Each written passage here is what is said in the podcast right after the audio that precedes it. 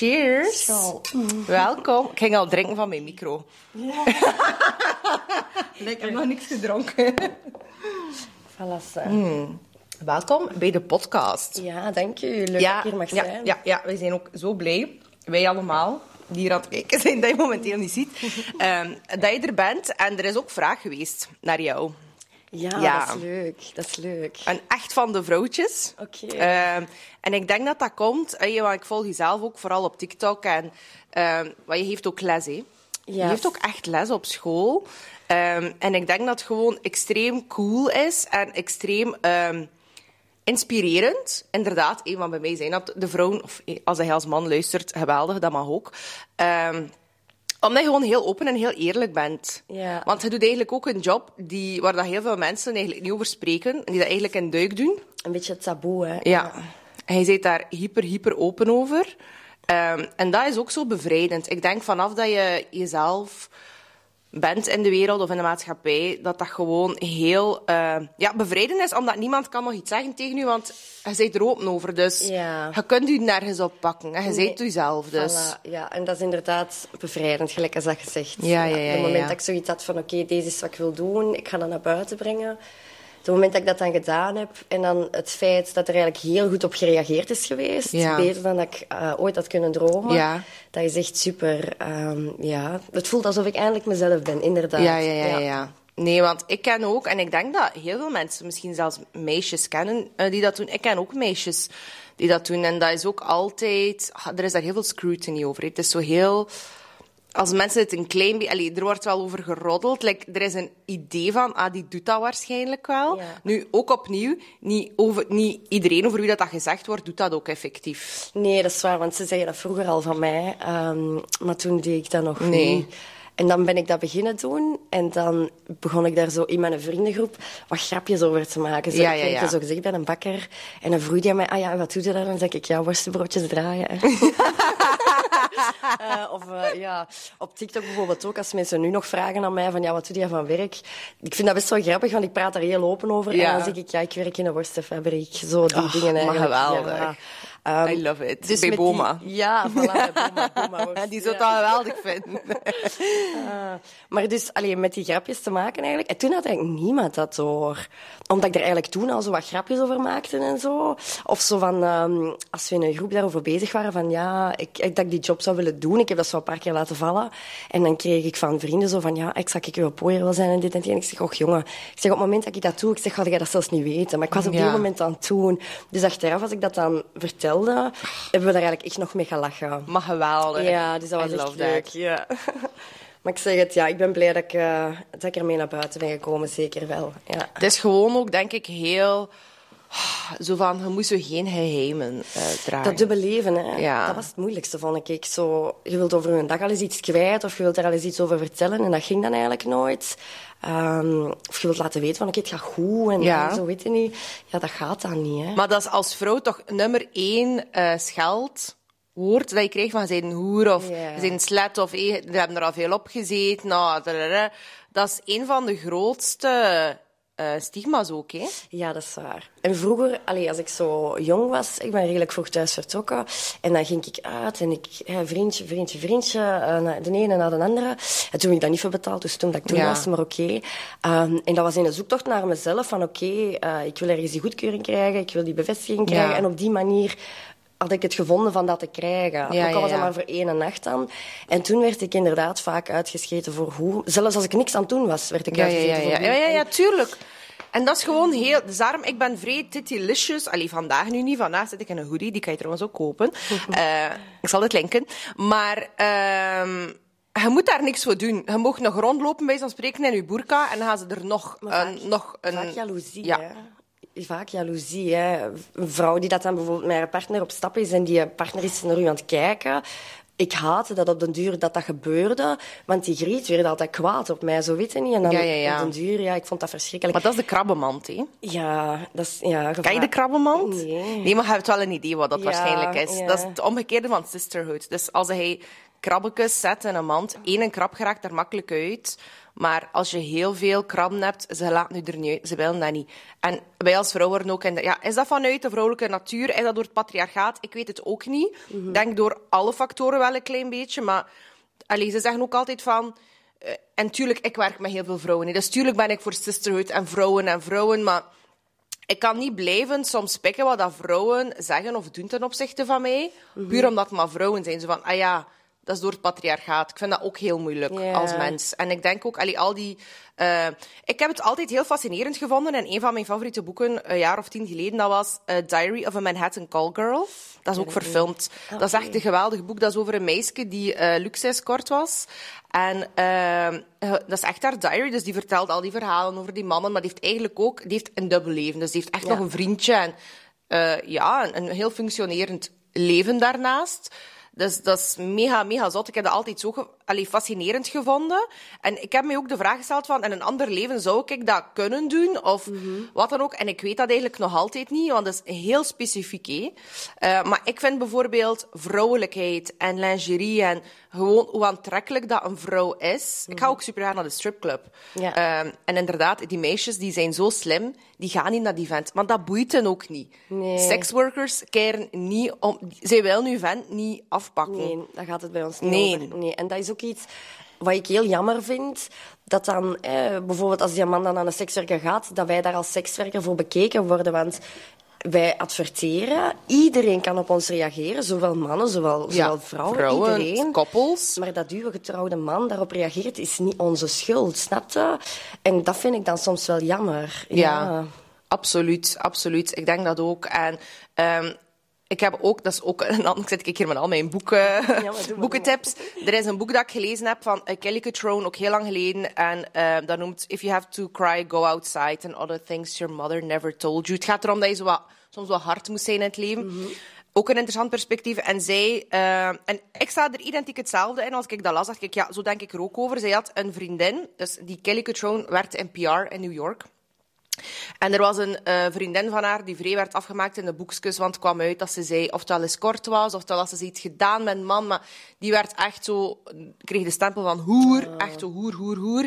En dat ze zei, zei van, wij zijn allemaal wel een keer een hoer in ons Maar leven. ja, dat hoort erbij. Ja, en ook niet, niet enkel het seksuele, maar wij zijn ook een hoer in de zin van... En ik zeg niet dat je tegen je zin doet, maar ik wil maar zeggen, iedereen doet wel een keer iets voor geld. Hé, wat dat tegen je zin is soms. En inderdaad, voor sommige vrouwen, het kan ook niet anders. Het is ook... Ja. allee, en iedereen die zegt van, ja, maar ja, ik ga nog liever achter eh, de strontkar lopen.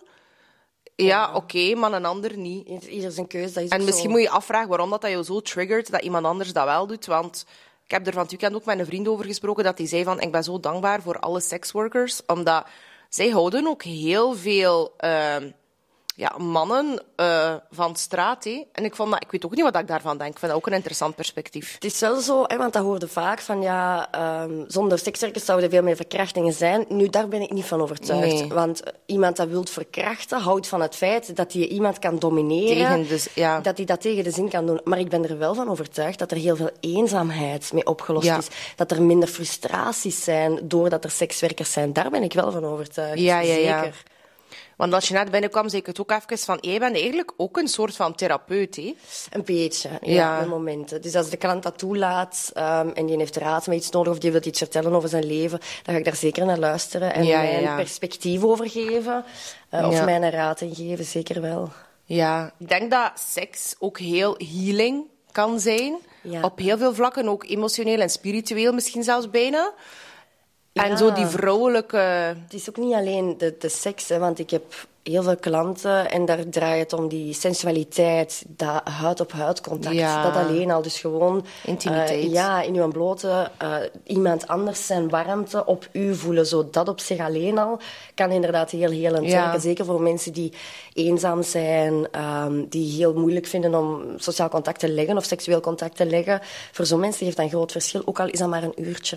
Ja, ja, ja. Want dat heb ik ook. eh, dat vond ik echt eh, een geweldige TikTok. Want ik denk dat jouw eh, succes erin zit dat jij heel open en eerlijk bent. En dat je dat ook heel goed kan verwoorden. En dat je ik denk dat je hele goede grenzen hebt. Ja, En ik denk dat je echt mensen helpt met streng op grenzen mijn stellen. grenzen, Ja. inderdaad. Ehm, en ik probeer altijd eerlijk te zijn. Naar mijn klanten toe ook. Ehm, dat klinkt misschien stom, maar bijvoorbeeld op persoonlijke hygiëne, als dat niet in orde is, ik vertel dat tegen die klant. Maar ik vertel dat ook om die hun toekomstige relaties te verbeteren. Tuurlijk, Want je moet eerlijk zijn, als jij een one-night stand gaat hebben met een jonge gast en jij doet die zijn broekje af en dat stinkt, Ja. je gaat daar niet mee verder. Die zijn kansen op succes op dat moment zijn niet heel. Dus als ik dat merk, dan ga ik dat mee naar de douche en ik leg dat helemaal uit dat je dat moet doen, tot in de puntjes. Hè, van, je moet dat zo en zo en zo doen. En hè, je eikelke moet bloot. Hè. Zie wat een schoon eikelke, zeg ik dan altijd. hè, ja. Oh. Dus ik, allee, ik probeer dat op een leuke manier te doen. Ook niet beledigend bedoeld, zo snapt je. Nee. Ehm, maar om meer succes te geven als die in de toekomst een nieuwe relatie aangaan. Dus dat vind ik ja, echt... eh, absoluut. ja. Ja, nee, inderdaad. Cheese dick is niet de sterk. Nee, nee, dat is niet oké. Maar dus dat- als je dat niet meekrijgt van thuis, wanneer weet je dat dan? Ja. Dan, dan, dan gaat je dat niet weten. En zo zijn er heel veel ehm, onderwerpen. Bijvoorbeeld, Ja. je eigen laten besnijden. Sommige mannen krijgen dat velke niet over hun eikel. Dat is ook zoiets. Heb ik al tegen verschillende klanten gezegd. En die zijn dan mee naar een dokter gegaan. En achteraf boeken die mij terug. En dan zijn die met vierheid Oh, hun piemel aan het laten zien. Want die hebben hun eigen laten besnijden. Van, zie, dat kunnen we een eikel zien. Ja. Dat is echt... Allee, dat is fantastisch. Ja, tuurlijk. Dat, eh, ja. Dat is soms erg, want daar heb ik ook los van nieuwe TikTok een andere TikTok. Het is hier met allemaal TikToks en Ja. referenties vandaag. Eh, een meisje die ook zo, dat was, ik moest daar bijna van wenen. Die was zo aan het uitleggen hoe dat je als vrouw je moet verzorgen en hoe dat je een tampon inbrengt. En dat was zo lief en moederlijk. En ik dacht echt van, ik was daar zo emotioneel van. Inderdaad, stel je voor dat je dat niet meegekregen hebt van je ouders. Of dat er daar gewoon heel veel schaamte en schuld rond was. Waardoor dat je dat ziet als iets heel vies en heel... Maar dat is ook vaak hoe dat het wel is. En, en dat is ook iets wat ik gemerkt heb, met inderdaad met die TikTok te doen, ehm, heel veel privégesprekken privé te krijgen van de jeugd. En dat die vragen aan mij van, oké, hoe moet ik mijn tamponnen doen? Welke kan ik het beste kopen? En Ja. dan zeg ik daartegen van, is dat, is, dat, is dat niet iets dat je met je mama zou kunnen bespreken? En dan zo, ah ja, maar ik durf dat niet. En dan zeg ik, ja, maar uw mama is ooit ook een jonge meid geweest. Tuurlijk. Die ook voor de eerste keer haar regels Ja. gekregen. En dan achteraf krijg ik een bericht van, ah, ik heb het er met mijn mama over gehad en ze reageerde eigenlijk heel goed. Wij zijn samen naar de winkel geweest. En dan denk ik, maar ja, soms hebben ze zo dat setje, dat duwtje Ja. een beetje nodig. Maar het, is, allee, het blijft een beetje als, je- allee, als je jong bent en je bent nog wat schandelijk. Je geneert je nog een beetje over je eigen lichaam. Van, is mijn lichaam wel normaal? Om daar dan ook met je ouders over te praten, denk ik dat toch Ja. wel... Allee, ja, ik denk niet dat dat overal mogelijk is, ik zal het zo Nee, zeggen. het is niet overal mogelijk. En ook soms... Allee, ik denk dat de meeste mensen niet echt eh, iemand traumatiseren vanuit een slechte intentie. Nee, maar sommige mensen, als je het van thuis uit niet meekrijgt om erover te praten, Ja. hoe gaat je dan weten dat je er best wel over praat tegen je eigen Ja. kinderen? En zo wordt dat eigenlijk van generatie op generatie een beetje doorgegeven. Ja. Dus ja, het is aan je eigen om te zeggen van ik verbreek die, die Generational curses, voilà, bij wijze van spreken. Ja, ja, het, ja, eh, absoluut. op een open manier te doen. Ja, en ik denk, allee, bijvoorbeeld eh, van mijn mama, maar die heeft mij ook heel jong gekregen. En ik weet dat nog heel goed. En ik ben naar België verhuisd als ik zes, zeven jaar was. Dus ik moet onder de zes jaar geweest zijn. Dat ik uit bad kwam en ik moet aan mijn, eh, aan mijn vagina gekomen hebben. En dat ze zei van, ah, nee, nee, nee, vies. Je mag dat echt niet doen, dat is Oh, vies. Ja, maar die jammer. bedoelt dat niet slecht, hè. Maar ik heb dat heel lang gedacht. eh, en echt van, er is iets mis met mijn vagina. Ik heb heel veel vagina's ook stiekem opgezocht. En altijd hyper gefascineerd geweest van, wat is er mis met mijn vagina? Ehm, achteraf te weten gekomen, oh my god, ik heb een pornopoesie. Niet dat dat een meerwaarde ja, is, maar lijkt geweldig.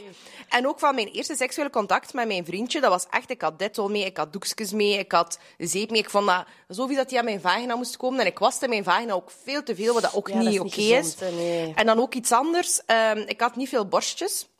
En ik denk dat ik 13, 14 jaar. Mijn mama had zo'n... Kijk, dat is die vleeskleurige plak BH's. Ah, ja. Dus ik had dat gestolen van haar. En ik had dat in mijn BH... Ik had dat zelfs geknipt dat dat zou passen in mijn BH, voor Ja. wat meer borstjes te hebben. En die vond dat niet. En dus ik zo, "Sst, zwijgen, ik weet van Ja, niets. En toen hij dat gevonden heeft, dat gevonden in mijn boekentas. Die heeft Ah. mij bijna vermoord. En dat was zo traumatiserend. En nu denk ik achteraf van... Ah, ik was zelfs even kwaad van... Eigenlijk, als ik dat zou vinden van mijn kind, zou ik wel zoiets hebben van... Praten. Ja, van we moeten hierover praten. Ja, waarom vinden dat nodig om dat te doen, inderdaad. Ja.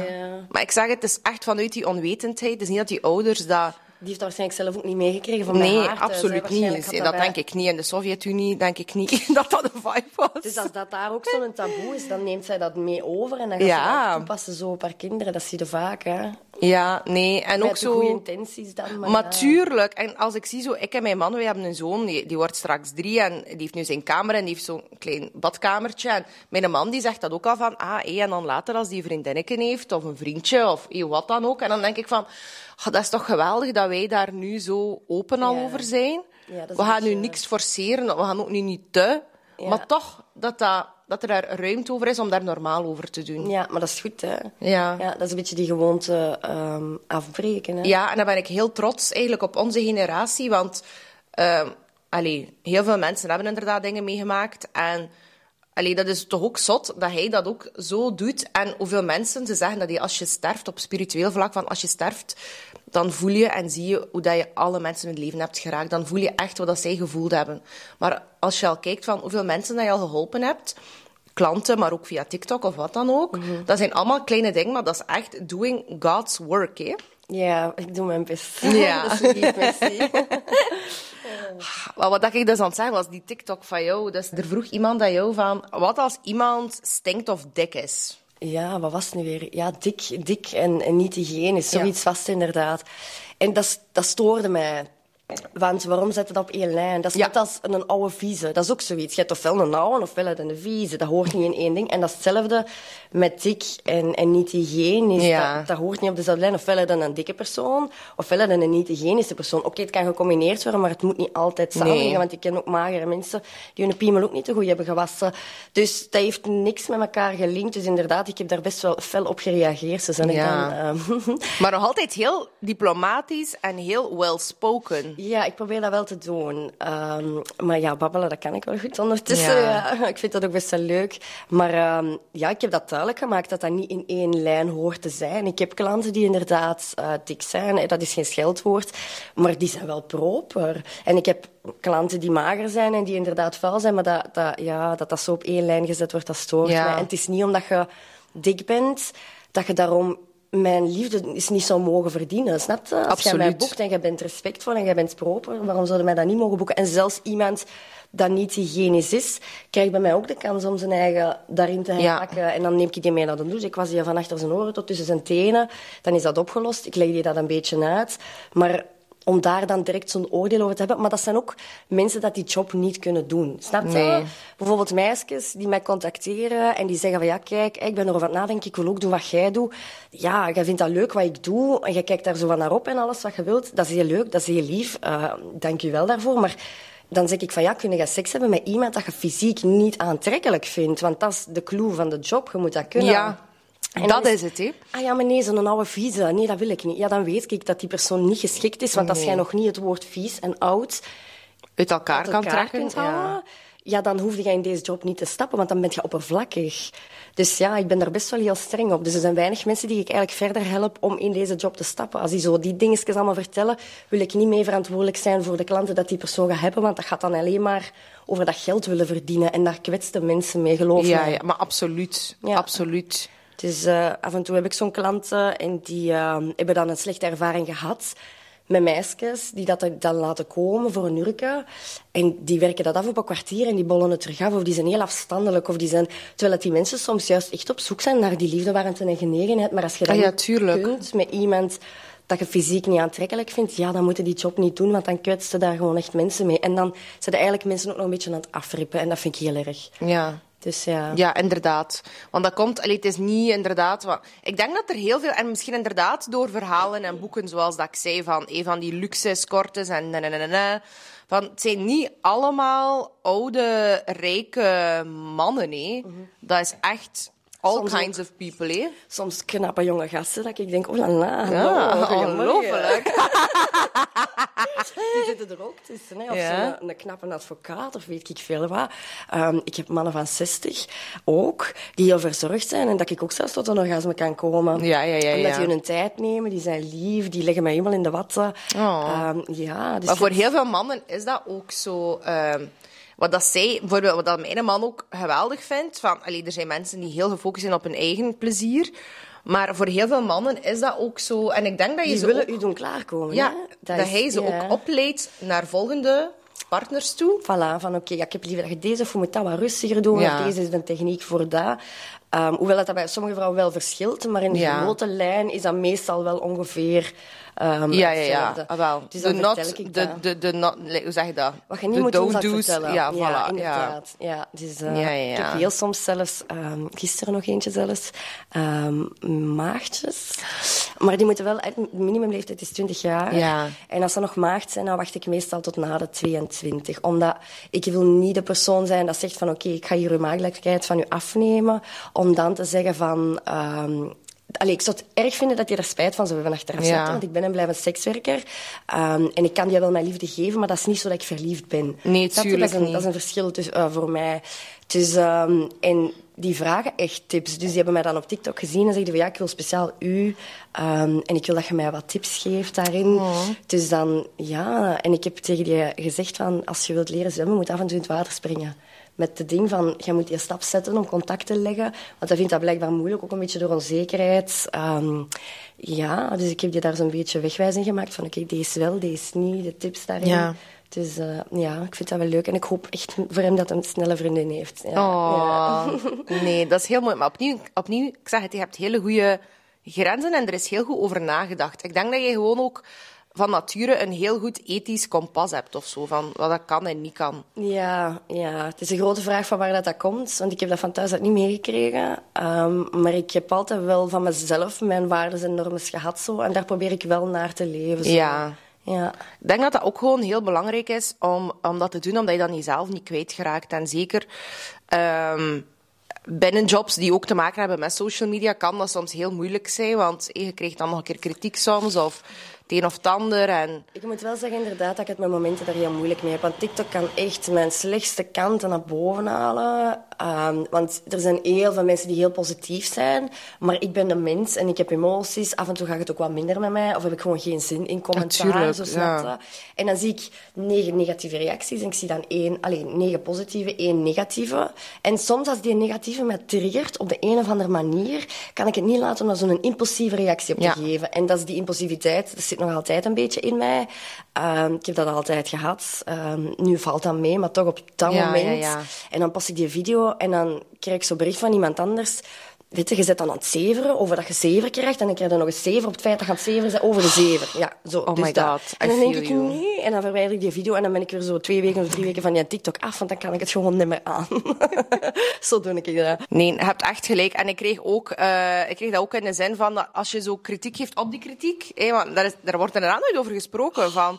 En dan zeggen ze, oh, maar moet je dat toch niet aantrekken? Of, het zijn- het Ja, maar ze willen nu, om? ja, het zijn haters, je moet daar niet op reageren. dat, ja, ja, ik mag nog niet kiezen in wat ik mijn eigen opboei. En ik mag nog niet... ah, en dan denk ik, elke scheet moet dat ik, moet dat ik het laat? Moet ik hier gaan verantwoorden? Of moet ik over nadenken? Ja. Zou ik dat wel posten? Is dat wel goed? Wat gaan de mensen daarvan zeggen?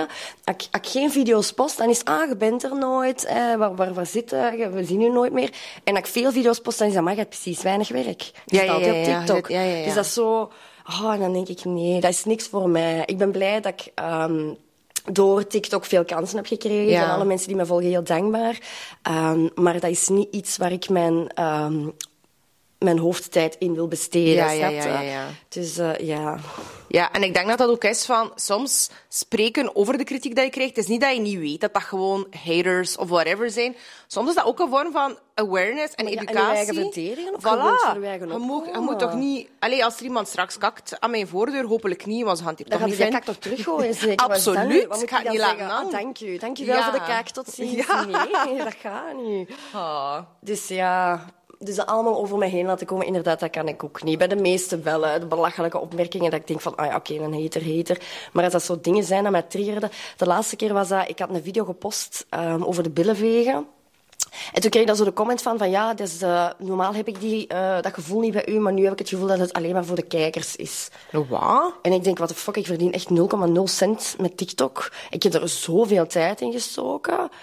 En dat Ja, zo in een absoluut, video ja. gereageerd, zo weet je niet, me eigenlijk verdedigen. En achteraf dacht ik van, oh, waarom doe ik dat zelfs? En ik heb die achteraf ook gewoon geblokkeerd. Maar dat triggert mij wel, want dan Ja. denk ik, ik doe dan zo mijn best. En nog is er commentaar, nog is er Ja. commentaar. En dan denk ik, nee, TikTok en ik, wij zullen nooit de beste vrienden worden. Nee, en ik denk dat het gewoon is van, oké, we, we leven in een wereld waarbij dat iedereen een platform en een stem heeft. En dat is zeer positief in heel veel opzichten, maar niet elke mening zou op een publiek platform moeten Nee. gesmeten Er worden. zijn mensen die beter van TikTok wegblijven. Ja, maar absoluut. En ook, dan denk ik ook van tegen, ik zeg dat ook soms tegen mezelf van, allee, wat verwacht ik ook? Dat is een platform waarbij dat iedereen anoniem iets kan plaatsen. Ja, inderdaad. En dat is denk ik ook gewoon omdat ik zit in mijn afgeschermde omgeving, want ik heb hele lieve vrienden en zo. En de mensen dat ik kies, om, om, allee, zijn allemaal... Ook iedereen op mijn podcast is zo heel redelijk en denkt goed na en heeft goede intenties. En dan, baf, word je zo gesmeten tussen de... Ja, Leeuwen. tussen de leeuwen. Tussen de leeuwen. Ja, nee, eigenlijk leven niet tussen de ratten. zijn geen de ratten, Tussen de maar ja, de hyena's. De kakkerlakken. Ja, de kakkerlakken, ja, inderdaad. Oh, foei. Maar ja, dat is social media. Maar ik zeg het, het heeft wel veel kansen gegeven, dat wel. Dus daar ben ik wel heel blij voor. Het feit ehm, dat door mijn kanaal veel taboe is doorbroken, ben ik heel fier op. Het feit dat ik met mijn boek bezig ben, dat is iets waar ik al heel lang Oh, van ik droom. wist dat zelfs niet. Nee, Proficiat. Ja. Ah. Ja. Ik eh, ben beginnen schrijven toen ik 16 was, toen ik thuis ben, eh, ben weggegaan. En ehm, dat heeft dan zo heel lang in, in een kast van onder gelegen, stof liggen vatten. En... ehm, ik schreef af en toe nog wel zo wat poëzie en dit en hetgeen. Ik heb dat altijd leuk gevonden. Maar door dat TikTok-kanaal had een uitgeverij mij gecontacteerd dat ze een boek in mij zagen. Ah. Dus heb ik dat van onderuit de kast uitgehaald, een beetje afgestoft, terug aan beginnen werken. Oh, dus maar ja. geweldig. Ik ga er Ja. zeker achter gaan. Ah, dat is lief. Heb je al een naam of niet? eh, ja, de naakte wel- waarheid. Ja, dat eh, is... En dat is grappig eigenlijk, hè, want... Ik, ik geloof wel in karma en alles wat je geeft, krijg je Ja. het een keer terug en al die dingen en het lot en dit en hetgeen. Ehm, en De Naakte Waarheid, dat is een titel die heb ik verzonnen toen ik 16 was. En toen ik voor de eerste keer in de krant kwam te staan met het laatste nieuws, moest, ik moet liegen, hè, het laatste nieuws of, of ehm, een andere krant, of het nieuwsblad, een van die twee. En daar was de titel van mijn artikel De Naakte Waarheid. En ik denk, nee, deze kan Dat is gewoon niet niet meer. toevallig, het is Nee, hè. synchroniteit. dat is zo van, ja, dat, het moest gewoon allemaal zo Ja. zijn. Ja. Ik denk dat ook sowieso. Ik denk dat iedereen zo voelt wat dat zijn of haar missie is. En ik denk dat sommige mensen dat misschien pas op een latere leeftijd ontdekken. Ik denk dat je sowieso gewoon jezelf moet zijn. En ik denk dat, dat als er dingen echt set in stone zijn voor u, dat je dat niet kan ontlopen.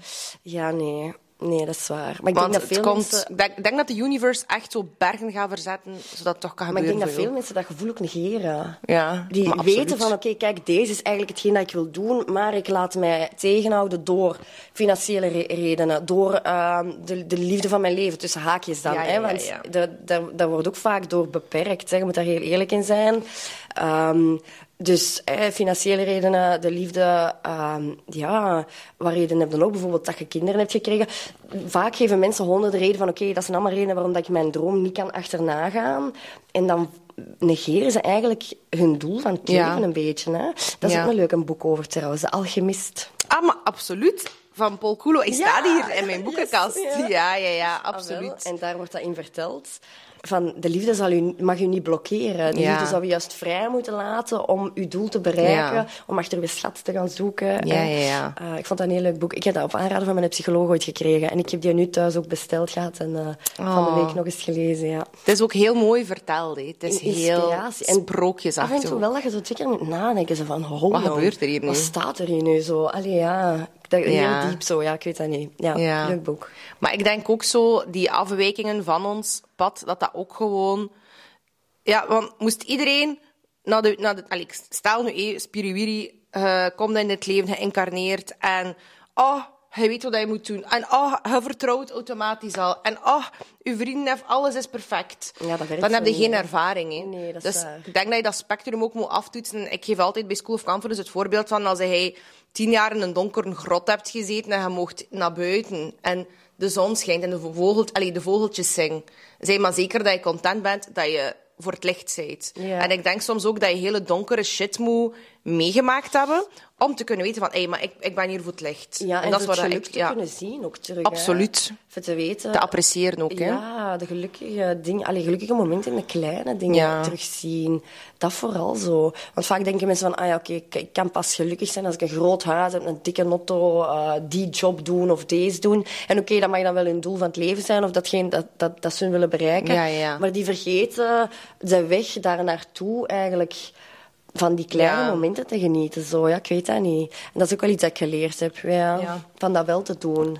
Dat is zo cheesy, hè? Want vroeger geloofde ik nooit als mensen dat zeiden van ah, de beauty is in the struggle. denk ik van absoluut niet. Ja, Waar nee. zit de hair beauty in? ze van, God geeft u waar dat je, wat dat je, wat je aan hebt. kunt. En dikwijls Ja. heb ik in mijn eigen gedacht van, wat zijn we mee bezig, alstublieft. Ah, wel, dat is onze vader. Hè. Geef ons heden ons dagelijks brood. Geef ons wat wij nu nodig hebben. Niet brood van morgen. Ja. Eh, ook niet brood van gisteren. Dat moeten we niet meer hebben.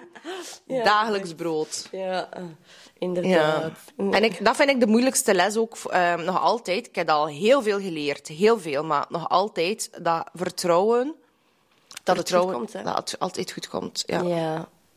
Ja. Ja. dat is waar. Dat heb ik ook nog af en toe wel... eh, ja, momenten, allee, als, zeker als je weet dat het ooit heel slecht is gegaan en dat je dan weet van oké, nu gaat het goed, gaat het wel blijven duren, dat Ja. het goed gaat. Zo. Dat heb ik soms ook wel. Ja. Ja. Ja, het is ook. ehm, ik vraag me ook af in welke mate dat je ook echt kan afkomen per, permanent van je trauma's. Want je spreekt ook psycholoog. Ik ben ook naar de psycholoog geweest en ik raad dat eigenlijk iedereen aan. Ik, heb het gevoel dat letterlijk de hele wereld naar de psycholoog moet. Geen psychiater, hè? Nee, ik denk niet. Geen psychiater. Dat is, Maar als dat nodig groot is? verschil, hè? Ja, ja, ja. Dat is een groot verschil. Ja, maar tegenwoordig te veel en te snel. Die schrijven maar pillen voor. Ja, ja, ja, ja. Ehm, ik kan u vertellen, ik ben nooit naar de psychiater geweest. Ehm, dat was toen op aanraden van mijn advocaat en zo, een lang Ja. verhaal. En die hebben mij voor een half jaar van die Xanax en Zyprexa voorgeschreven. Maar dat is de zwaarste rommel dat je kunt hebben. En ik kan u vertellen, dat ik daar toen mee begonnen, had ik hier nu vandaag zo niet gezeten, dan had ik in een plant geworden. Ja. Maar ik wou wel beter worden, maar niet als in een plant dat niks meer kan. Dus ik heb die pillen eigenlijk niet genomen. Ik heb die voorschriften bij de apotheek binnen gaan brengen. Ehm, en ik ben nooit meer naar een psychiater geweest. Want ik kom, je komt daar tien minuten binnen. Je vertelt wat je angsten zijn. Je vertelt hoe, dat je, hoe dat je eet, hoe dat je slaapt.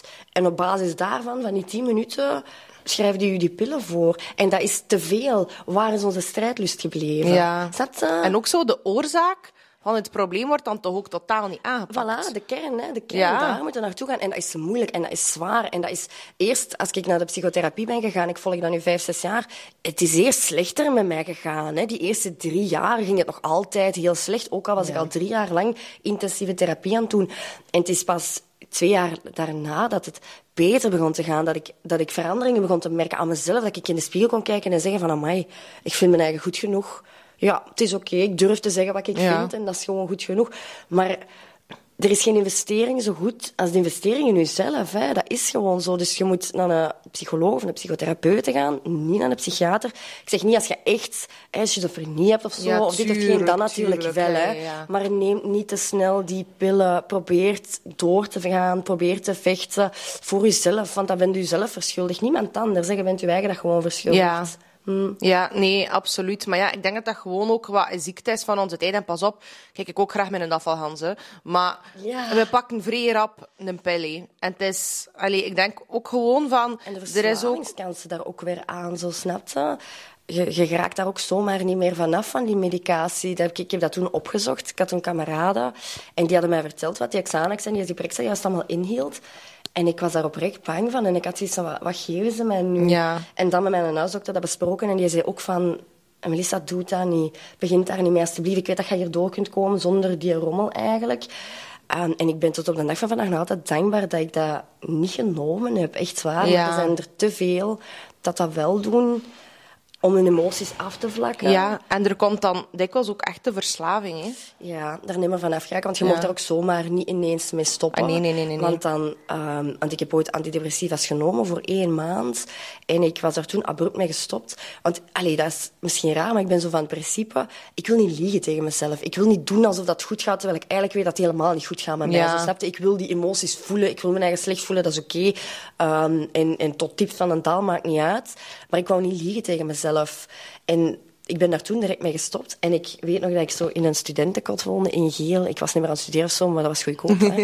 Ehm, en ik was toen in een douche en ik moest echt zo van, allee, is dat dan nu iemand in de living? Ga uit die douche gaan horen. Maar nee, jong, ik ben zo aan het worden. Zo weet je niet, zo. Oh, precies dat ik hoorde. En zo lichtflitsen in de hoeken van mijn ogen. Oh van daar zo abrupt mee te stoppen. En toen had ik zoiets van, nee, nooit meer. Je mocht dat niet zomaar afbouwen. Dat is eigenlijk heel slecht dat ik dat gedaan heb. Maar langs de andere kant ook wel goed, want nu weet ik wat effect dat dat kan hebben. Zo. Weet Ja, ja, ja, ja, ja. Dat is een goede les. Ja. Direct van, oh nee. Maar ik, ik geloof wel bijvoorbeeld van, hé, als we spreken over, ah, ik geloof in um, engelen en er is hulp en al de positieve dingen. Geloof ik geloof daar absoluut ja. in. Maar ik vind ook, persoonlijk voor mij, als we daarin geloven, of als we dat gesprek hebben, ja, dan moet er ook iets aan de andere kant zijn. En ik denk ook wel, ik weet ook niet hoe dat de wereld in elkaar zit. Ik kan ook maar speculeren, maar ik denk ook wel met heel veel... eh, zo die, die- de, de ziektes, maar ook de medicaties. En allee, dat er daar ook heel veel lage ja, entiteiten of zo zitten. Ik weet het niet. Soms geloof ik dat wel. Zo, van, inderdaad, van, je ziet iets, maar... Ik heb soms ook wel dingen gezien, maar dat was ook altijd in een periode dat ik heel veel stress had of anxiety of wat dan ook. En dat je weet van, ik zit in een lagere vibratie of zo. Wat dat natuurlijk niet wil zeggen, want dat is heel goed dat jij dat zegt, van ik wil mijn emoties voelen. Van, er is wel een spectrum aan emoties en die, dat is je barometer. En je moet daar iets mee doen. En natuurlijk, ja, good vibes. Ik leef ook even voor de good vibes, maar het is niet alle dagen een good vibe. Dat kan niet, dat bestaat nee. niet, nee. Maar het is niet omdat je, en zeker nu met heel dat manifestatie gebeuren, het is niet omdat je een keer in een bad vibe zit dat je niet meer goede dingen gaat aantrekken. Ja, hè. dat is- dat is gewoon juist om je te helpen om terug bij de kern en bij jezelf te komen. Hè. Ja, wat heb ik nodig om mij beter te voelen? Ja. Ja. Naar dat buikgevoel te luisteren. Ja. Ja. Maar dat is ook weer zoiets dat door de maatschappij eigenlijk ook verteld wordt van daar niet naar te luisteren. Hè. Nee. Ik heb bij School of Conference en ik ben geen therapeut, absoluut niet. Het is wel een tool voor mensen die gelukkiger willen zijn. En eigen ervaring, hè. Voilà, en ik geloof echt extreem inderdaad in eigen ervaring. En het is wel nagekeken door een psycholoog, eh, maar het is geen therapie. En ik zeg dat ook heel vaak aan mensen van, als je het moeilijk hebt, ehm, doe het traject met een therapeut samen. Eh, Spreek daarover met je therapeut of wat dan ook. Ehm, maar het is niet de bedoeling... eh, ik, ik los geen eh, psychische problemen op. Ja, ja, ja. En ehm, ik heb wel mensen gehad die daar ook open over zijn geweest, die naar een psycholoog zijn geweest, en soms lange tijd, en dat ze eigenlijk suicidaal geworden zijn door juist die psycholoog of die therapeut. Dus het is zo moeilijk om af te toetsen van wat is er nu een one-fits-all solution. Dat is voor Ja. iedereen zo individueel. Maar dat is bij mij eigenlijk ook wel een beetje gebeurd. En ik, ik ben in therapie begonnen. Ik volg nu vijf, zes jaar psychotherapie. En die eerste, na drie jaar dat gevolgd hebben, heb ik ook in die periode gezeten dat voor mij niet meer moest. Een jaar lang zelfs, ook al volgde ik die in therapie. Ehm, maar dat heeft niks te maken met het feit dat die therapie niet goed was. Dat had te maken met het feit dat er heel veel dingen naar boven kwamen. Heel Ja, veel ja, dingen ja. waar ik mee moest dealen. Ehm, trauma's die ik voor mijn geest moest, moeten ha- moest halen. Om dan te beseffen van oké, dat is de reden waarom ik hier nu zo fel op reageer. Dat Ja. komt dat die emoties zijn nog van die situatie vroeger. Dus er komt heel veel naar boven. Dat is echt dat is een zure Ja. appel waar dat je doorheen moet. En als je echt zoiets hebt van, oké, ja, kijk, ik voel mijn eigen hier niet goed bij bij die therapie. Ehm, ik heb echt het gevoel van, ja, deze werkt voor mij niet. Dan moet je blijven zoeken naar een andere. Want het Ja. kan ook goed zijn dat de match er gewoon niet is. Dat kan ook, hè. Nee, en inderdaad, van, het kan aan zoveel verschillende factoren liggen. En het is nog altijd jouw eigen verantwoordelijkheid om jezelf te plaatsen in een situatie of bij de personen die, die, dat je denkt dat dat ja, misschien beter zal helpen. En hetzelfde ook met je gezondheid. Allee, ik ken ook mensen die een diagnose hebben gehad. En dat was niet juist, maar die hadden een buikgevoel van... Het is waarschijnlijk toch wel dat, of... Of iemand dat we kennen, die, zelfs, die jong zijn been ging afgezet worden. En die was nog geen 18 jaar. Amai. En dan eigenlijk toch nog een second opinion gaan vragen. En dat is dan toch... Allee, met een heel eh, moeilijk herstel heeft hij wel zijn been kunnen behouden. Maar dat zijn wel serieuze dingen, nee. Ja. Maar dat is opnieuw zoiets. Die benen, je ziet dat. Maar als je van binnen echt gebroken bent, je ziet dat niet, hè. Ik heb dat ooit tegen mijn psycholoog gezegd, van als ik nu al mijn mentale problemen zou kunnen inruilen voor een arm, dan zou ik dat doen. Dan zou ik dat doen, want het is ook zo, de mensen zien u, die denken dat het oké gaat met u, maar van binnen ben jij ja, kapot aan het gaan gewoon. Hè, van, Ja. van verdriet, van kwaadheid. Ehm, plus ook, je handelt vanuit je emoties. Je doet dan dingen. De wereld snapt niet waarom je die dingen doet. Bij mij was dat dan die over seksualiteit een beetje. Ja. Ehm, ik kon dat niet laten, hè, terwijl ik wist, ik ga daar problemen mee krijgen. Ik wist, ik ga mensen tegen hun tenen trappen of mensen gaan weer een oordeel hebben. En ik haatte dat dat mensen mij daarvoor veroordeelden. En toch deed ik dat. Dus dat is zo. Dat was, Ja, dat is ja, ja, verschrikkelijk. Zo dat onbegrepen gevoel heel de tijd. Niemand snapt dat, ehm, waarom dat je handelt op die manier, maar dat komt vanuit je trauma's. Hè. Ja. Ja, ik, het is daarmee dat ik zeg van... Ik heb het gevoel dat wij allemaal veel meer getraumatiseerd zijn dan we denken. En ehm dikwijls ook... Ik werk ook bij School of Conference. Dikwijls ook mensen die van een hele goede thuis komen. En e- al, er was genoeg. En ze woonden in een mooi huis. En, en, en, en, en. Het zijn dan andere dingen. Maar wij denken dikwijls van onszelf ook van... Oké, Ik ben hier niet tien jaar opgesloten geweest in een kelder, dus het is niet echt een trauma dat ik heb. Mhm. Terwijl het kan al allee, redelijk rappe trauma zijn. Hè. Ja, ja. Bijvoorbeeld ehm, als je als kind geboren wordt en ehm, de mama blijft wel bij u, maar bijvoorbeeld de vader verdwijnt, dat alleen op zich al is al een traumatische ervaring voor dat kind, want die gaat opgroeien met gedacht van, ah ja, ik was niet goed genoeg, want mijn papa ziet mij niet graag, want hij is niet bij mij gebleven. Dat ding alleen al. Terwijl, ja, wat is daar gebeurd? Heeft die moeder beslist van, oké, ik, ik wil die niet meer in de picture, want dat is een slechte man? Ja, dat weet dat kind niet. Maar zo rap kun je inderdaad wel een, een effect creëren op een kind, zijn, zijn eigen waarde eigenlijk. Ja, ik denk dat ik dat eh, gehad heb in de zin van... Mijn ouders waren er wel en ik moest wel fysiek heel huid... eh, van punt A naar punt B aankomen altijd. En die, die gingen mij nooit met de fiets laten. Die voerden mij overal rond. En eh, mijn eh, fysieke gezondheid was belangrijk. En ik heb daar al over gepraat. Blijkbaar is dat wel zo dat zij geboft hebben over mij, maar ik heb het niet gehoord. Ik heb het niet gehoord. Ik heb het niet meegemaakt. Ik had niet het gevoel dat er onvoorwaardelijke liefde was. En ehm, ja, dat was ook zo, omdat er gewoon heel veel voorwaarden waren. Hè. Je moest goede punten hebben, je moest staan, je wordt vergeleken. Ja. En ook zo, eh, echt zo die verbale, ehm, zo het, het kwetsende. En ze zegt dan altijd van, ja, woorden kwetsen niet zo. Ah, alsjeblieft. Jawel, jawel, jawel. Eh, en daar heb ik dan moeite mee gehad, want dat is pas echt naar boven gekomen als ik zo 3, 4, 25 was, tot de dag van vandaag. En in periodes gaat dat wel beter en niet, maar ik moet nog altijd... Ik, soms kan ik dat goed loslaten, zo van, ik ga nooit echt een apology krijgen voor bepaalde dingen. Erkenning, hè. Maar ehm, ik, toch dat, vooral omdat ik zelf een kind heb, maakt mij dat heel kwaad, omdat die ook zo geweldig zijn voor mijn kind. Dat vind ik heel moeilijk. Eh, en ook het feit dat dat altijd wordt geminimaliseerd. En dan denk ik van, weet je, zeg dan toch gewoon... eh, we proberen te snappen, maar we snappen het niet zo goed. Maar zeg dan niet dat ik de hysterische ben. Want Ja. niemand op deze wereld kent mij als een hysterisch wijf. Waarom doe je altijd zo? Ja, ja, ja. Maar het is, het is, het is letterlijk... En dat is zo eh, moeilijk. Dus dan heb ik geaccepteerd van... I'm working on it. Maar ook gewoon van... Fuck it.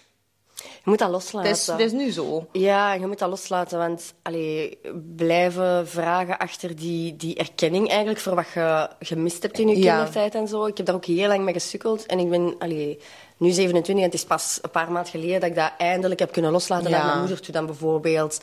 ehm, om die erkenning te krijgen, maar je moet dat loslaten, want anders dan, dan gaat het dat op den duur ehm, ook weer op je generatie overbrengen. Zo, weet je niet? Dat, die ook, eh, dat er bijvoorbeeld ook iets gaat zijn dat die gemist hebben en dat die ook die erkenning gaan blijven vragen aan u. En als je niet uit je slachtofferrol stapt, Ja. ga je geen verantwoording kunnen opnemen voor de dingen dat je zelf doet. Ja, zo, ja, ja. En dat is wel wat ik wil doen en dat is ook wat jij wilt doen. hè. Als wij dingen doen en wij doen iets fout of zo, dat is zo van, ah ja, oké, kijk, ik heb dat niet goed aangepakt. Ik ga daaraan werken, ik ga dat anders proberen doen. Maar als jij slachtoffer bent...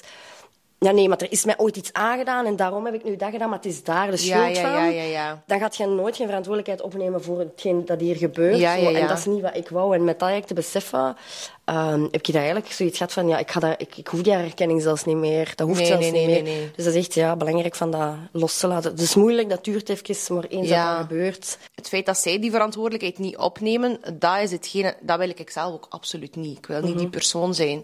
Maar het is altijd hetgeen van bijvoorbeeld, een van, ik zeg van, ah, en jullie hebben nooit opgekomen voor mij als de leerkrachten mij echt gepest hebben en zo die verbal abuse en da En dan begon die over, ah ja, maar ik heb vroeger een leerkracht ook gehad. En dan dacht ik van, Ja, are you is zij kidding is zelf me? slachtoffer geweest. Dat is Ja. wat zij doet. Dus zij is zelf ooit slachtoffer geweest en toen heeft zij ook die erkenning niet gekregen. Toen is zij ook niet geholpen.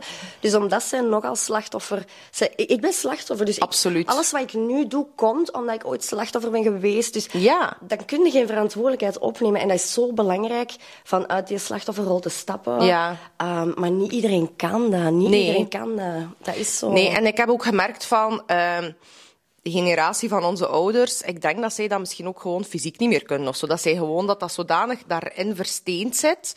Want ik dacht, toen was ik zo kwaad, want ik dacht van, hé, hey, jong, ik ben hier super eh mild voor jou en alles en...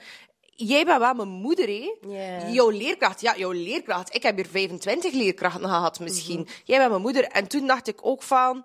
Oh, dat is zo, zo vermoeiend. En wat dat er bij mij toen wel geholpen heeft, dat is dat ik, uh, als ik s'avonds in mijn bed lag, heb ik echt gevisualiseerd dat ik zelf met mijn roze juicy couture pakje naar school ga van mezelf. En jezelf ja, ja, en zo being my own mom. Voilà. En dat helpt en dat wel. is hetgeen dat je ook moet toepassen in het leven dat je nu hebt. Ja. Kom voor jezelf op als dat je voor een ander zou opkomen. Absoluut. Want je wilt altijd goed zijn voor andere mensen en je gaat altijd je eigen aan de kant zetten, maar je gaat met je eigen oud worden. Hè. Ik ga met mijn eigen in de kist liggen. Als ik gestorven ben, Ja. dan gaat niemand niet naast liggen. Dus ik kan maar best beste vrienden met mezelf blijven. En dat is inderdaad iets goed dat je gedaan hebt. Ja. Dat is super. Ja. Wat wij dus ook heel veel doen bij School of Conference, like, of dat ik zeg van dat ik dat splits in mijn hoofd van ik ben mezelf, maar ook mijn moeder. En dan denk ik ook van, hey, ik zou wel een fucking nice moeder zijn geweest. Van, of ik zou met een moeder als mezelf heel opengebloeid zijn. En dan, dat creëert wel die zelfliefde bij, want zelfliefde is heel abstract. Allee, het is niet alleen maar een keer in bad gaan en een keer wat steen rond je bed leggen. Nee, nee, nee, nee, nee, dat gaat heel ver. hè. Heel ver. En dan dacht ik van, ah, I'm such a cool person. Omdat je dan echt beseft van, moest ik dat allemaal gehad hebben, wat dat ik doe voor een ander. Maar jij voedt eigenlijk dat kleine meisje in je. Ja, die inner child. Ja, dat heel mijn art de- is over inner child. hè. Ja, maar dat is zo belangrijk, dat Ja. innerlijke kind. En ge, allee, voelen van, oké, wat is dan nodig hier? Oké, toen, toen werd er niet voor u opgenomen, maar nu ga ik dat doen. Ik ga Ja. het voor u opnemen en ga neem het op voor uw eigen. En Ja. dat is eigenlijk de groei naar, naar zelfliefde. Maar dat kan heel ver gaan in kleine stapjes. je gaat er daar naartoe groeien, maar je moet dat blijven, ja, blijven oefenen eigenlijk. Hè. Ja. ja. Ja, want wat dat wij creëren is dan ons alter ego. En dat is ook zo een soort van afsplitsing van jezelf. Hè. Ja. En dan leer je echt, want eigenlijk is dat, ah alles is een deel van jezelf, hè, maar dan leer je echt een deeltje van jezelf voeden. En eh, echt, ja, opvoeden ook bijna. En echt gaan cultiveren en groter maken van wat dat je wel echt cool vindt. Want Mhm. je kijkt ook op bijvoorbeeld, ik zeg nu maar iets naar een Britney Spears of whatever. Ja. Omdat je denkt van, hey, dat is een strong woman. Of. Maar dat is omdat er zelf een kantje van u daar ook En je wilt in dat, dat is hetgeen Ja. dat je wilt. Hè? Dat is ook hetgeen dat je wilt bereiken, waar dat je voor wilt staan. Ehm, inderdaad, ja. Wat ik daarnet ook nog wilde vragen, dat is... eh, wat is jouw mooiste ervaring geweest met een nieuwe job? Met mijn nieuwe job. Ah, Ik heb verschillende mooie ervaringen. Ja. Maar mijn allermooiste ervaring, eh, dat is nog niet zo heel lang geleden, dat was met iemand met een beperking. En ehm, allee, ik kreeg een vrouw aan de telefoon en die vrouw vertelde dat ze een zoon had van 22 jaar. En zijn zoon zit, allee, haar zoon zit in een rolstoel en ehm, die kon alleen maar zijn hoofd een beetje bewegen, zijn armen. Ehm, maar zijn penis werkte wel eh, te goed. En zij vond dat heel moeilijk, dat ze ook gezegd. Ik vind het heel moeilijk dat ik nu naar u bel, maar ik wil mijn zoon dat wel gunnen om een seksuele ervaring te hebben, want hij heeft nog, Oh. nog nooit niet gehad. Ehm, dus ik, ik zou graag hebben dat je een keer langskomt. Dus ik ben daar dan geweest. Dat was ehm, best heftig, want oké, die zit dan in die elektrische rolstoel. Ehm, mensen in de zorg gaan dat wel weten. Je moet die dan in zo'n lift zetten, hè, op dat bed leggen, eh, uitkleden en al die toestanden. Maar het mooiste moment was het moment dat ik vraag of dat je zijn hand op mijn tetje wilt leggen en dat ik die zijn hand vastneem, op mijn borst leg en die glimlach op dat gezicht. Dat is het Oh. mooiste moment. Ja, absoluut. Ja. Oh, I'm gonna Ja. cry. Ja. want dat is ook zo... ehm, opnieuw een boek. Een boek. Ehm, ik denk dat dat boek The Power of Intention noemt van Dr. Wayne Dyer. Ik ben mega fan van Dr. Wayne Dyer. Die heeft hele mooie dingen geschreven. En die vertelde ook een anekdote over ehm, een man die heel gefrustreerd was, want zijn zoon eh, had een eh, beperking. En eh, dat hij echt kwaad was van, oké, alles op, op deze wereld heeft zogezegd een bepaalde functie, of alles heeft iets goddelijks, of heeft een nut. Wat is hier het nut van? Dat mijn zoon een beperking heeft. Wa- wa- waar zit het goddelijke daarin? hè? En dat dat... dat hij dan op een bepaald moment met zijn zoon ergens aan het wandelen was en er waren jongens aan het basketballen. En een moment van anxiety, van oké, mijn zoon wil dat ook. En hij kijkt ook van, ik zou graag meedoen. En ik denk dat hij ook een verstandelijke beperking had. Ja, oké. En, ehm, en dat die jongens echt zodanig lief waren. En van, van tuurlijk kom erbij, dat dat zelfs zo ongesproken was. Dat iedereen, dat er dan zelfs niet moest over gebabbeld worden. Van iedereen, natuurlijk. En ze hebben hem laten winnen. En, ah, en, dan, en dan zei hij van, het goddelijke... Kijk, daar- ik heb daar mega rilling van. Het goddelijke zit in hoe dat die, hoe dat naar boven haalt bij andere mensen. Ja, het Daar zit het goddelijke in. Ja, Amai, ja, ik vond dat ook heel mooi. Ja.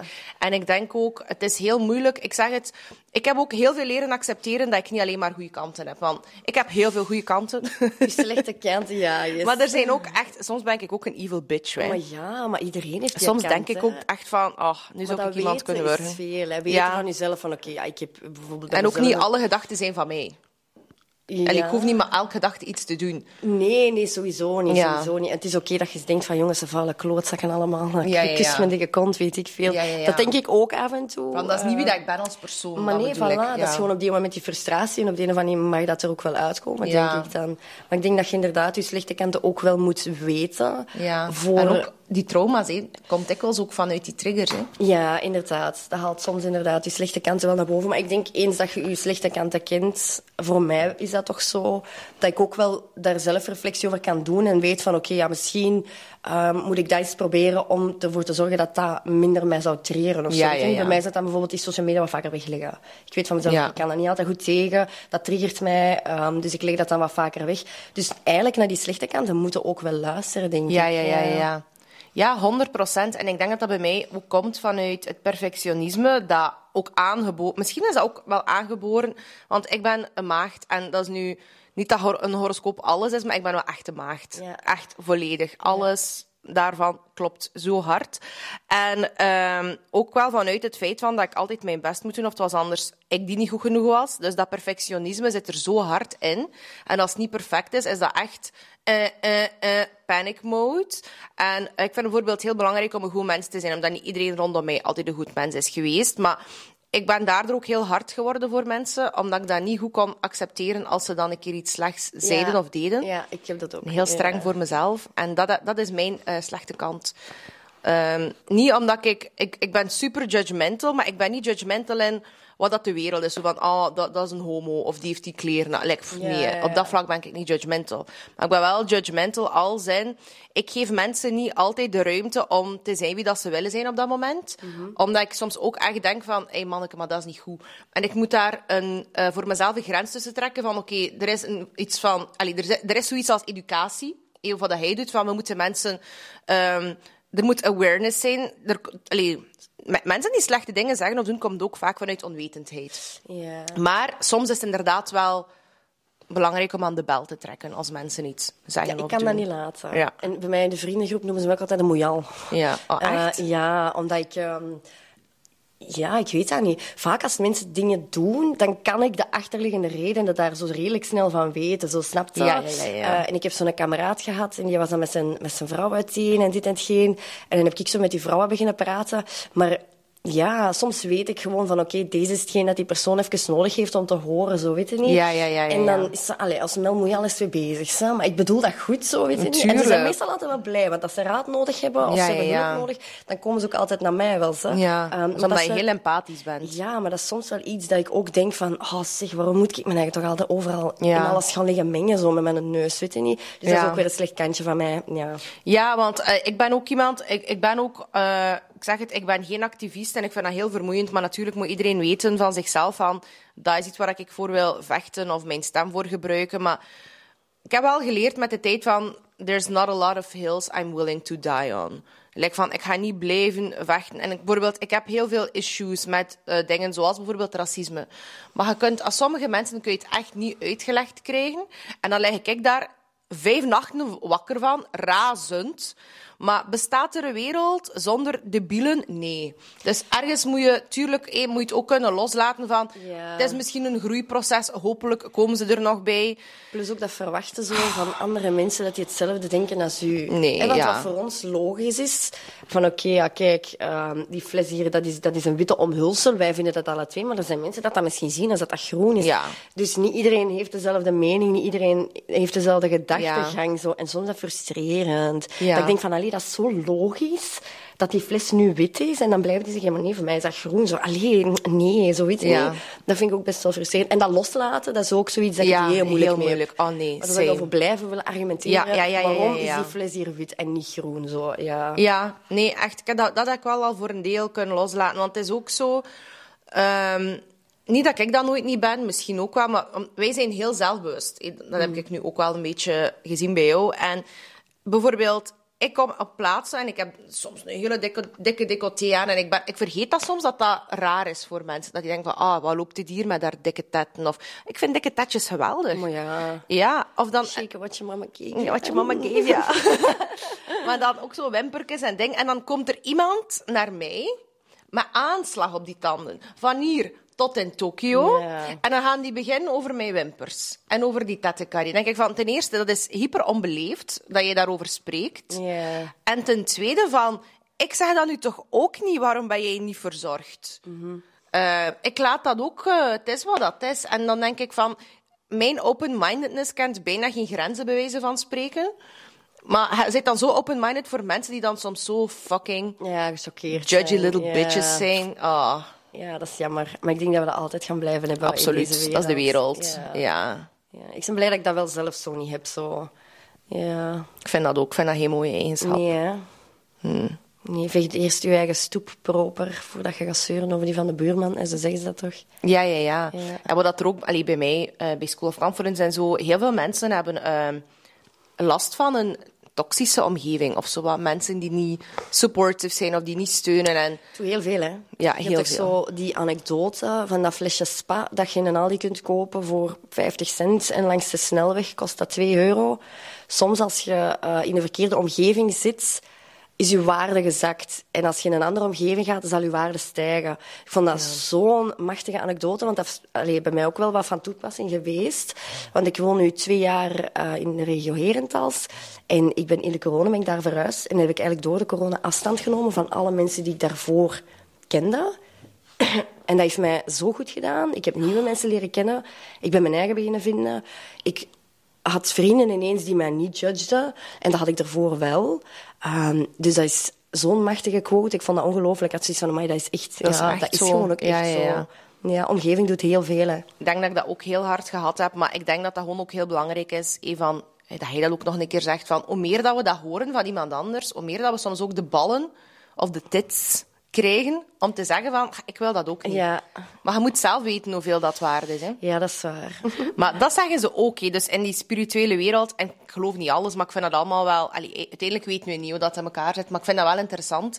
Dat ze zeggen van, eh, dat dat zo is dat oude zielen soms ehm, zo chill zijn. Dat ze al zo... Kijk, ik heb daar herinnering van. Zo, die hebben al al die lifetimes en die lessons gehad en die zijn zo chill en die komen soms pas op het einde van hun leven bij hun missie, wat dat ze moeten doen, omdat ze gewoon weten dat het zo belangrijk is om te genieten en Ja. om plezier te hebben. En ah, alles komt goed. We gaan hier nog één drinken. Of we gaan hier nog een keer wat lachen met onze vrienden. Of Ik wat benijd dat wel. zitten. Mensen dat zo zijn. Ik heb zo ene kameraad, dat is die wat ik er straks ook over aan het vertellen was. eh, die is trouwens terug samen met zijn vrouw. Hè. Ja, ja. Dat maar dat is ene, dat is een kerel. ehm, en die is ah, maar zo content. En ik zeg dat dikwijls tegen hem van... Die gaat werken in de fabriek, al 17 jaar, dezelfde job. Die heeft een vriendin, alleen een vrouw, een kleine, die gaat op zondag zijn pintje drinken. En meer moet hij niet hebben, hè. en die is content. Ja. En die lacht altijd. Ik zie hem dan nog zitten aan een toog met zijn pintje. Ja, zo Oh. content dat ziet. En dan denk ik, maar hoe simpel dat soms kan zijn. Absoluut. Maar ik, ik, ben, ik zou er helemaal niet content mee zijn, zo met dat leven. Zo snapte, maar dan denk ik, god, zou toch zo gemakkelijk zijn dat dat voor mij voldoende zou zijn. Maar toch inspirerend wel. hè? Ja, ik vind dat Ja. wel. Zo van, ah ja, zondag Ja. drink ik mijn pintje en dan ben ik content. Het is al, er moet altijd meer zijn en het moet altijd nog beter zijn. Maar waar stopt het dan ook? En nu zitten we ook echt in een, in een crisis, een energiecrisis, een financiële crisis. En ik denk, allee, uiteraard, maar die armoede is er ook altijd al geweest. Ja, ik heb geleefd in de armoede in België, dus ik weet dat dat er is. En allee, wij zijn daaruit geraakt, ook door te werken. Maar ik besef ook heel goed dat er mensen zijn die daar niet zo gemakkelijk uit geraken. Ja.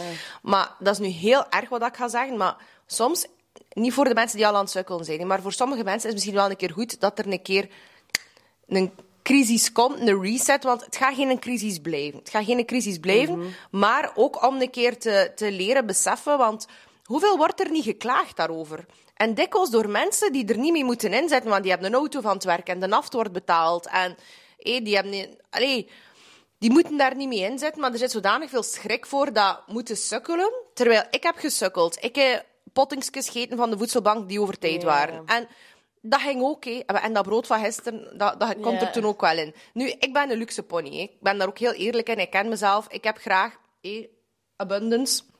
Ik werk er ook voor. Ehm, maar keer wat te moeten doen met minder is ook niet the worst thing that can happen. Dat kan fucking gezellig zijn Je leert zelfs. daar ook veel uit. Hè? Absoluut. Want dat heb ik nu ook. Nu werk ik als sekswerker, dus mijn financiële situatie is ook beter. Maar ik heb ooit ook... Allez, ik zeg het, ik heb in een studentenkot gewoond omdat ik niks beters meer kon betalen. Voor mij was toen het moeilijkste om van... eh, het goed te hebben naar niks te gaan. En dat was voor mij het moeilijkste. Zodat aan de wereld durven toegeven van... Oké, kijk, ik heb geen geld meer. Ja. Ehm, en ik vond dat heel moeilijk. Dat voelde alsof ik een beetje gefaald had. Maar dan aan een tijd begon ik daar zo echte voordelen van in te zien. Mensen willen niet meer dat ik tracteer. Mensen komen geen geld meer lenen bij mij. Mensen gaan met mij om, niet voor mijn geld. Zo snap je? Dat was en op echt tof duur- vinden, ja. En op den duur was ik van de daken en dan schreeuw ik heb geen geld, je moet aan mij niks vragen. hè. Ik ga je eigen zuip halen, ik ga ik mijn eigen zuip halen. Let me maar gerust. Ehm, en dat, dat voelde goed zo, weet je niet? Ja. Eh, ik had dat omarmd. En nu werk ik als sekswerker, dus nu gaat het financieel wat beter. Maar ik heb nog altijd een heel bescheiden leven. Ehm, ik woon in een appartementje. Dat is allee, heel gezellig, maar dat is geen, geen luxe kot, weet ik veel. En veel mensen verschieten daar dan van, want die denken van, oh ja, jij werkt als sekswerker. Ja, oei, ja, ja, je wordt wat onderbetaald of zo. Ehm, maar dat heeft daar niks mee te maken. Dat gaat gewoon over het feit van, oké, ik ben slim genoeg nu om daar te blijven wonen, weinig huur te betalen, Ja. om te sparen, om iets te kunnen kopen. Ik hoef geen BMW, weet ik veel wat ik krijg, een klein Fiatje. Ehm, en die, allee, ik ben daar tevreden mee, dat is voldoende. Absoluut. Ja, ja, ja. Omdat ik graag dat huisje wil kopen. En dat is een toffe dat auto. Ik die ook nog had. Maar ja, voilà, dat is echt... Dus dat heeft mij wel, die financiële moeilijkheden, heeft mij wel doen inzien van oké, je hoeft niet altijd die grote luxe te hebben. En ik- waar dat ik nu woon, ik ben er eigenlijk heel gelukkig. Terwijl ik heb, als ik het financieel goed had toen, eh, in een appartement gewoond, waar ik met vijf in een douche kon gaan staan van die toestanden. Ik was er niet gelukkig, hè. Ik was er helemaal niet gelukkig, waar dat ik nu woon wel. Dus ja, Ja. dus ik leef eigenlijk heel sober nog altijd, ja. Nee, 100 procent. En ik denk ook het omgekeerde, even wat je zegt van, er zijn ook heel veel mensen die, like dat je zegt van, die dankbaarheid valt een beetje weg. Ik ga nu niet zeggen hoe dat eh, iedereen zijn leven moet leiden, maar dat is heel jammer dat je niet beseft. Ik vind eigenlijk zelfs de dag van vandaag, als je kan gaan eh, winkelen in de supermarkt en je moet niet letten op je budget, je, mocht, je kunt alles in je karretje smijten dat je wilt. Godverdorie, wrijf maar in je handjes. Hè. Dat is al veel. En het is niet omdat er hier in België nu een crisis is. Het is er is al heel het, ja, het bestaan van de wereld altijd, overal wel. Maar ja, dat je gewoon s'avonds in je bed kunt gaan liggen, dat alleen al. Ja, pak het met een greintje zout. Ik heb het absoluut niet op mensen die echt, echt, echt eh, sukkelen. En tuurlijk, maar ik, ik wil ook echt wel zeggen, van, er is zoveel hulp. Want toen dat ik ehm, naar België kwam en... eh, allee, ik had 16 keer per jaar, eh, een jaar 16 keer buikgriep. Ik, je kunt dat niet meer... Na, allee, dat is we echt in een schimmel... We zaten, allee, we zaten echt in een kraakpand. Dat was echt niet oké. En er was iemand eh, bij de VDAB, waar dat mijn papa toen een opleiding deed voor metser.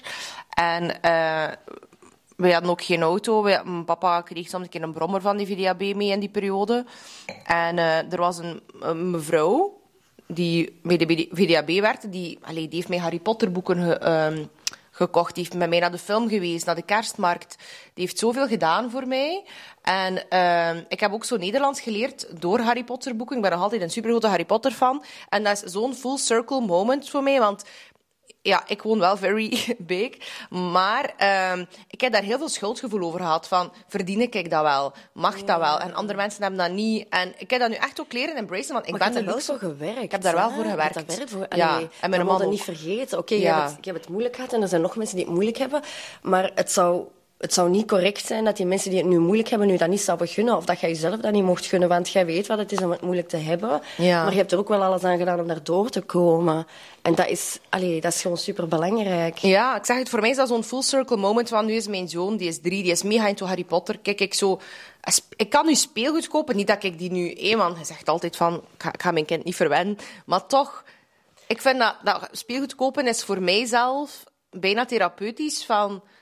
Ik ben zo blij dat ik hem dat kan geven en die geniet daarvan. En tuurlijk weet hij dat hij moet dankjewel zeggen. En hij weet dat niet iedereen dat heeft. En vanaf dat hij wat ouder is, ga ik hem daar zeker ook in meepakken van...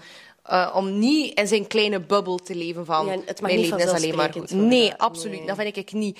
Maar je mocht er wel van genieten. En ik heb daar echt hard aan moeten werken om te durven genieten van de goede dingen die ik heb. Mhm. En wat ik ook ging zeggen, van, er zijn zoveel goede mensen en er is zoveel hulp. Er is, allee, er is zoveel hulp. En ik denk dat er zodanig veel schaamte is. Je moet durven die- zeggen dat je geen geld hebt. Ja. Want ik ben nu net twee jaar geleden ben ik in het appartement gaan wonen waar ik nu woon. En ik kan u vertellen, mijn inboedel heeft alles samen 350 euro gekost. En het is dat echt keigezellig. ik meen het. I love En dat it. is allemaal tweedehands. Uh, zelfs een roze zetel, tweedehands gevonden voor 50 euro. Wat? Uh, ja, ongelooflijk. Een, een gratis zetel, een gratis salontafel, gratis kasten. Op Marktplaats, op Facebook heb je dat toch zo. En ik tikte dat gewoon in gratis. En dan kon ik overal alles gaan halen met mijn. Fiat zo. En dat paste er allemaal zo juist in mijn auto. Ehm, maar ja, ik ben nog altijd daar heel tevreden mee. En ooit, als ik mijn huisje gekocht heb, dan zal ik ook wel dat opbouwen en echt meubels Ja, ja, ja. kopen waarvan ik zeg van oké, dat is degelijk, dat gaat lang meegaan. Maar je kunt heel veel doen met weinig geld, maar je moet dat durven. Je moet durven zeggen, ik heb geen geld. Dan moet je durven zeggen... Want ik heb zo mijn bed gekocht met een nieuwe matras. eh, een nieuwe topper zat daarbij voor 45 euro. En ik had gezegd tegen die mensen van ja, ik moet helemaal terug opnieuw beginnen. Ehm, en ik, ik, ik heb het financieel heel moeilijk. En die hebben mij nog kookpotten meegegeven en nog taloers en nog bestek. En dat je nog niet nodig hebt, dan belde maar. Allee, dat is fantastisch. Gewoon omdat ik gezegd heb van oké, kijk, ik heb het gewoon Ja, ja, moeilijk. ja. Dus ik denk dat daarvoor uitkomen, dat werkt ook heel bevrijdend. Zo van, ah ja, ik heb geen Ja. geld. Het is oké. Ik heb, ik heb Ja. geld. Ik heb het moeilijk op het moment. Dat gewoon ownen. Want ik heb dat bijvoorbeeld, als ik op school zat, ben ik dat wel proberen eh, te verstoppen. En ik heb ook altijd gezegd van, ja, mijn ouders zijn naar Bali gekomen eh, voor mijn papa zijn werk of wat. Maar ik denk dat mensen dat ook wel wisten, want ik ben ook wel gepest geweest. Maar ook zo, echt tot op het laatste van het middelbaar ook, zo van, ah nee, wij wonen niet in een rijhuis. Van, En op het laatste was, was dat niet meer zozeer vanuit die schaamte, maar vanuit van, ik wil niet...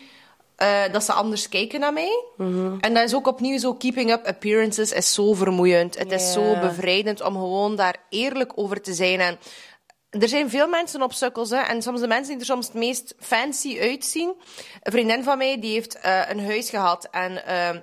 allee, een kind met die man en alles. En die relatie is op de klippen gelopen. Die heeft moeten van nul starten. Die heeft met, met een fietsje in de regen Ja. haar kind naar school moeten voeren. Terwijl bij de papa is het alles erop en eraan. En die heeft dat ook altijd eerlijk gezegd. Iedereen van, sorry, maar ik ben een single mama. Ik heb het financieel heel moeilijk. En dat is ook zo inspirerend. Ja, want dat is oké. Omdat dat een hele grote schaamte is bij heel veel mensen. Ja, en het overkomt wel heel veel mensen. Hè?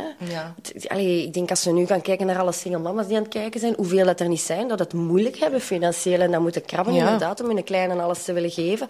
Maar daar zou geen schaamte voor moeten zijn, want ik heb beseft toen ik vertelde van oké, ik heb het moeilijk, ik heb het moeilijk, dat er altijd mensen waren die me wouden helpen. Altijd. Omdat Ja. er en dat probeer ik ook echt wel te geloven, omdat er nog altijd wel meer goede mensen zijn dan kwade mensen. Maar als ze niet weten van u dat jij het moeilijk hebt, Ja. dan gaat ook niemand u willen helpen. Of niemand kunnen helpen, want ze weten het niet. Oh, ik heb daar mega rilling van. Ja. Dat is ook zo. Ik heb dat ooit, ooit een keer gezien en ik had zo heel veel stress en noem maar op tijdens die corona. En ik ben al zo heel... Ik was ook net bevallen en zo, dus allee, mijn anxiety mode was fully on. En toen zei er iemand, dat was op Twitter of zo, of een tweet, dat was zo'n quote van iemand die zei van always look for the helpers. Dus als je bijvoorbeeld kijkt naar het nieuws en je ziet er is iets slechts gebeurd, er zijn altijd helpers. Ja. En als ik, vroeger keek ik ook heel veel anxiety van, ah, het spoed passeert, de ambulance passeert, oh nee, er is iets gebeurd, iets slechts. Misschien gebeurt dat ook een keer met mij of met mijn familie. Is dat voor mijn familie? En er is een periode geweest dat mijn man, die werkt hier niet ver van waar dat wij wonen. En iedere keer dat die ambulance passeerde, belde ik altijd om... En gewoon op onder, onbewust, ik zei dat niet tegen hem, maar op onbewust niveau wou ik altijd bellen, want het is toch niet hij of uw pa of zo. En nu heb ik echt in mijn hoofd gestoken van, hey, wij hebben chance dat we hier in een land wonen waarbij dat er altijd instant hulp is. We zijn hier Ja. in België nog altijd bij De een beste van de... Absoluut. ziekenzorg, hè? Absoluut. Absoluut. Ja. Dus ja, er is iemand onderweg en er gaat iemand geholpen worden. Iemand wordt geholpen. En echt zo die, die, die shift verleggen, want er zijn er ook heel veel boeken over. En mijn studentjes sturen dat soms ook een keer door. Ik ga dat ook een keer posten, denk ik. Ik ga het nog een keer naar u sturen. Van. Er is daar ook een boek over van... Er is zoveel focus op het negatieve, maar er is veel meer goeds. Ja, ah, wel, en Veel daar meer. moeten we naar kijken. Maar Ja. soms, ja, als je het moeilijk hebt, is dat moeilijk. Maar dat is toch Ja, wel... maar het is echt zo, die, like dat ik zeg, zo die lage entiteit. Ik, ik noem dat entiteiten of demons. Ik zeg niet dat dat letterlijk demons zijn. Maar van, ik, ik denk altijd dat er zoiets u probeert zo van uw padje te halen. Of zo uw angst te geven. Maar de enige om Dat engeltje en dat duiveltje, Ja. dat zo zegt van, ja, het is Ja, ja, ja. het slecht. En dat engeltje gaat zeggen van, ja, maar nee, het is oké, het komt goed. Ja, dus, Ja. eh. En op het einde van de rit denk ik ook zo, the devil is doing God's work. In de zin van, als je dat kan overwinnen, zeg maar, dan kom je ook opnieuw dichter bij waar dat je En eens zo zijn. goed, denk ik. Hè? Ja. Want ik denk, dat ik die schulden bijvoorbeeld niet gehad, dan had ik nu met mijn geld niet kunnen omgaan. Ah, ja, ja, ja. Snap je? Want ik Ja, heb ja, toen ja. nooit geleerd hoe met mijn geld om te gaan. Ik heb dan schulden gekregen. ehm, en ja... Maar ik- ben blij dat dat is, want anders had ik nu nog met mijn geld niet kunnen omgaan. Snap je? Dat ik nog ja. in de ramen liggen smijten en liggen feesten en liggen doen.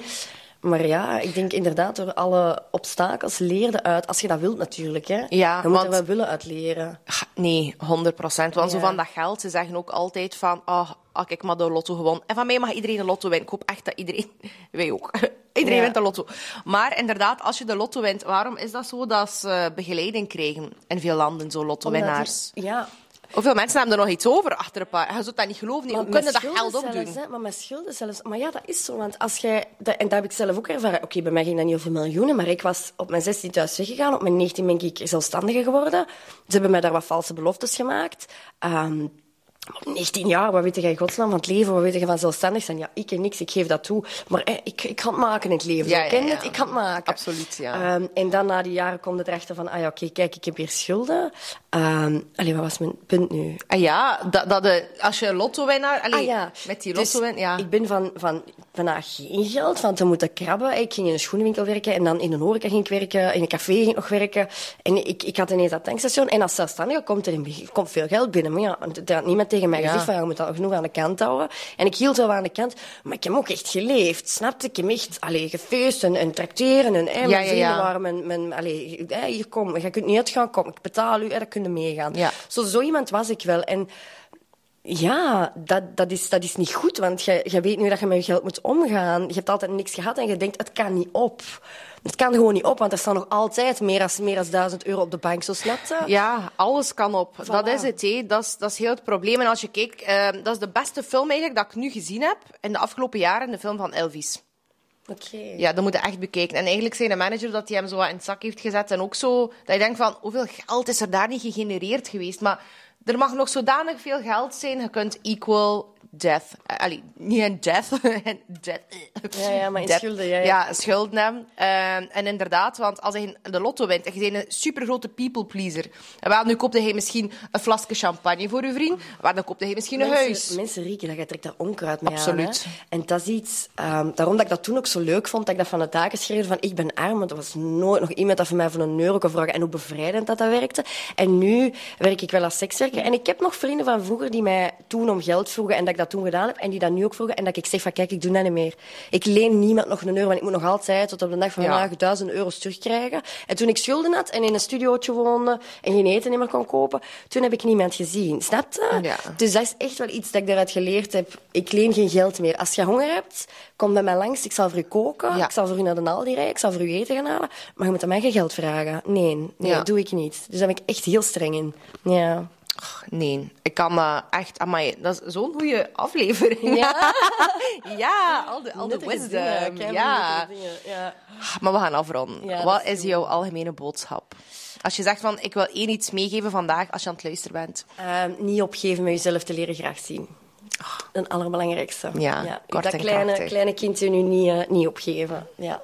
Cheers. ja, voilà. School, dat is gezellig. Oké, guys, bedankt om er weer bij te zijn en te luisteren. Ik hoop dat je de goede vibes een klein beetje gevoeld hebt. Maar opnieuw, zoals dat we zeiden, alle vibes Ja. zijn welkom. Je kan Mel volgen op... Ehm, op TikTok, wees lief voor elkaar met Mel.